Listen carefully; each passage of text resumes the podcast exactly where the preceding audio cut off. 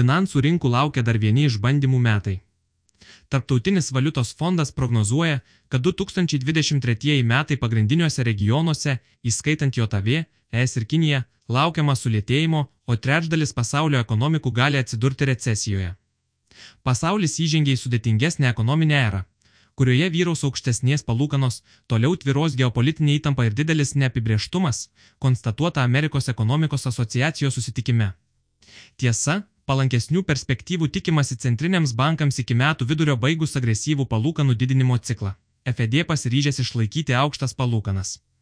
JAV Federalinių rezervų banko FED atstovai patvirtino savo ryštą mažinti infliaciją ir perspėjo investuotojus nenuvertinti jų valios kurį laiką išlaikyti aukštas palūkanų normas. Nepagristas finansinių sąlygų palengvėjimas apsunkintų pastangas suvaldyti kainų augimą, parodė praėjusio mėnesio FOMC posėdžio protokolas. Baiminamasi, kad rinkų optimizmas gali apsunkinti kovą su infliacija. Svetbank analitikai pastebi, kad šiuo metu FED bazinių palūkanų norma yra 4,25-4,50 procentų ribose ir iki šiol prognozuota, kad palūkanų normos 2023 metais turėtų pasiekti 5,1 procentą lygį. Kai kurie FED pareigūnai pasisako už palūkanų pakelimą iki 5,4 procentų ir tolesnio jų augimo pristabdymo. Tikisi pozityvesnio scenarijaus JAV ekonomikai. Ryškėja JAV centrinio banko ir investuotojų prognozių skirtumai dėl ekonomikos trajektorijos. Investuotojai linkia manyti, kad JAV ekonomika gali išvengti recesijos ir tai prisideda prie teigiamų lūkesčių. Pavyzdžiui, JP Morgan analitikai prognozuoja, kad JAV infliacija ir toliau mažės, o Jardenė Reserch mano, kad švelnaus ekonomikos nusileidimo tikimybė siekia 60 procentų. Dauguma investuotojų tikisi, kad JAV įmonių paskelbti praėjusių metų ketvirto ketvirčio rezultatai turės neigiamos įtakos pagrindiniam JAV akcijų indeksui SP500. Rodo naujausia 1054 pulse apklausa, kita vertus, maždaug trečdalis respondentų mano, kad toliau mažėjant infliacija yra teigiamas veiksnys akcijų kainoms ir šio indekso vertėjai.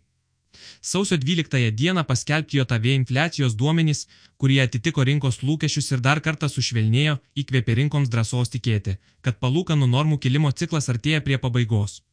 Investuotojai pradėjo galvoti, kad pirmojo normų mažėjimo galime sulaukti antroje šių metų pusėje.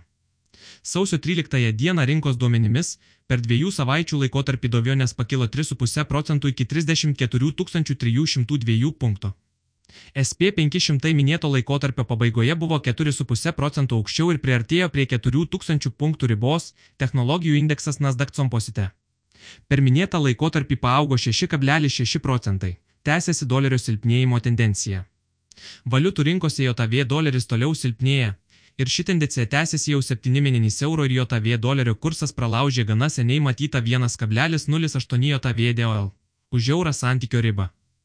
Tuo metu JK svarų sterlingo kursas fiksavo pusantro procento sustiprėjimą prieš JV dolerį ir sausio 13 diena buvo prekiaujamas ties 1,22 JV DOL riba. Jienos kursas taip pat buvo priartėjęs prie 7 mėnesių aukštumų dėl vis labiau įsivyraujančių nuomonių rinkoje, kad Japonijos bankas gali pakoreguoti savo švelnę pinigų politiką.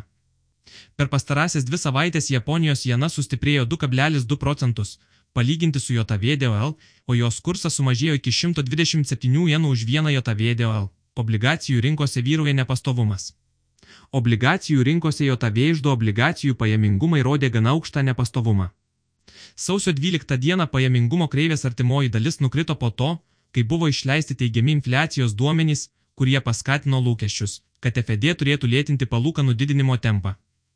Trumpo laikotarpio obligacijų pajamingumai per paskutines dvi savaitės paaugo, o kapitalo rinkose obligacijų pajamingumai po truputį atsitraukia nuo aukštumų.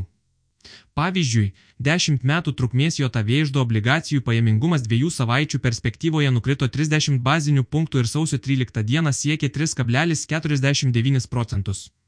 Dviejų metų obligacijų pajamingumas, kuris dažniausiai seka palūkanų normų lūkesčius Per dvi savaitės sumažėjo 18 bazinių punktų iki 4,22 procentus aukščiausias jo lygis per pastaruosius metus buvo fiksuotas ties 4,72 procentus. Svetbank analitikai pastebi, kad pajamingumo kreivė, matuojama atotrukiu tarp 2 ir 10 metų trukmės obligacijų, išlieka apversta. O inversijos lygis sausio 13 dieną pasiekė 73 bazinius punktus. ECB laikosi griežto tono dėl palūkanų. Europos akcijų rinkose šiltesnė nei tikėtasi žiemos pradžia mažina baimę dėl galimos gamtinių dujų krizės.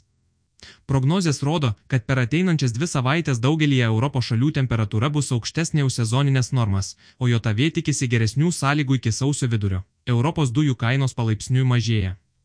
Europos centrinio banko ECB vadovė Kristina Lagarde nurodė, kad skolinimos išlaidos vėl didės, sakydama, kad to reikia norint suvaldyti sparčiai augančias vartotojų kainas. Jos kolega Joachimas Nagelis patvirtino tokį nusiteikimą perspėdamas, kad ilgalaikiai infliacijos lūkesčiai rinkoje labai išaugo. Valdančiosios tarybos nario Francois Villero Ideagalhau teigimu, ECB turėtų baigti didinti palūkanų normas iki vasaros, o tada palūkanų normas išlaikyti pakeltame lygyje. Prancūzijos banko vadovas sakė, kad dar per anksti spręsti apie aukščiausią palūkanų normų tašką. Tuo metu gruodį infliacija E sumažėjo labiau nei tikėtasi, bet bazinė metinė infliacija buvo gerokai didesnė nei 5 procentai, todėl tikėtina, kad ECB ir toliau tęs savo griežtą toną dėl poreikio didinti bazinės palūkanas negaluojant Junktinės karalystės ekonomiką. Junktinės karalystės ekonomika gali būti pažįsta smarkiau nei galvota anksčiau. Financeltimės apklausti ekonomistai tikisi, kad JK susidurs su vienu didžiausiu nuosmukiu ir silpniausiu atsigavimu G7 šalyse, nes namų ūkiai neša didelę naštą dėl Anglijos banko vykdomos pinigų politikos. Dauguma ekonomistų linkia manyti, kad infliacinis šokas, kurį sukėlė pandemija ir Ukrainos karas, JK išliks ilgiau nei kitur, priversdamas Anglijos banką išlaikyti aukštas palūkanų normas. O vyriausybė vykdyti griežtą fiskalinę politiką. Europos toks 600 akcijų indeksas sausio 13 dieną prekybą dviejų savaičių perspektyvoje baigė paaugęs 5,5 procentų. Vokietijos DX indeksas laikotarpį baigė paaugdamas 7,2 procentai, Junktinės karalystės FTSE 100 indeksas suktelėjo apie 5,2 procentai, o Baltijos OMX Baltic Benchmark. Dviejų savaičių prekyba baigė 3,5 procentų pakilimu, pasikeitusi COVID politika slopina Kinijos augimą. Azijos akcijų rinkose tikimasi, kad Kinijos ekonomikos augimas greitai grįš į įprastą kelią vyriausybei palaipsniui didinant pagalbą namų ūkiams ir privačioms įmonėms, palengvinančią namų ir automobilių pirkimą. Sakė Kinijos banko atstovas Geo Šukingas. Tiesa, staigus nulinio covido politikos atšaukimas lėmė viruso bangą, kuri artimiausių metų gali slopinti ekonominį aktyvumą ir apriboti kainų padidėjimą, ypač paslaugų kainų augimą, pranešė Bloomberg ekonomis.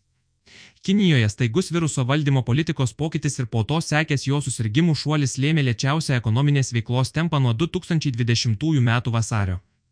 Krito ir gamybos, ir paslaugų indeksai, kas prasilenkė su analitikų lūkesčiais. Tikėtina, kad Kinijos BVP per ketvirtą praėjusių metų ketvirtį galėjo susitraukti.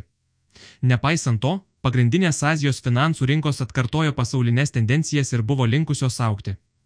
Japonijos nikiai per pastarąsias dvi savaitės kurios baigėsi sausio 13 dieną, paaugo pusantro procento, Kinijos BLA HIPS indeksas CSI 300 paaugo 4,8 procentai, Hongkongo HNG SNG.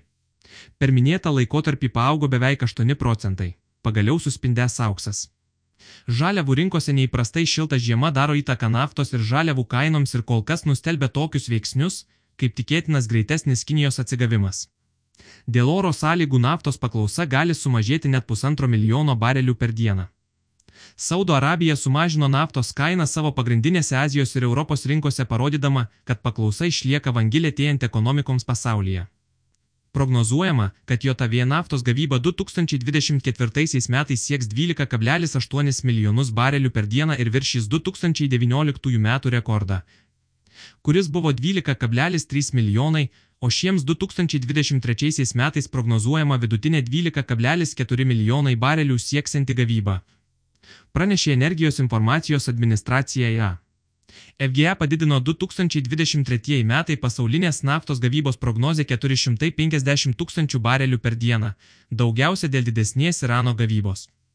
Brent naftos sandoriai dviejų savaičių perspektyvoje buvo prekiaujami 0,7 procentai žemiau ir sausio 13 diena siekė 85 JVDOL už barelį. JVWTI naftos kaina paaugo 3,8 procentai iki 79 JVDOL už barelį. Auksas pagaliau pradeda džiuginti investuotojus, kurie laiko žaliavą kaip draudimą prie siautėjančią infliaciją. Nuo metų pradžios jis pabrango 4,4 procentų iki 1920 JVDOL už unciją.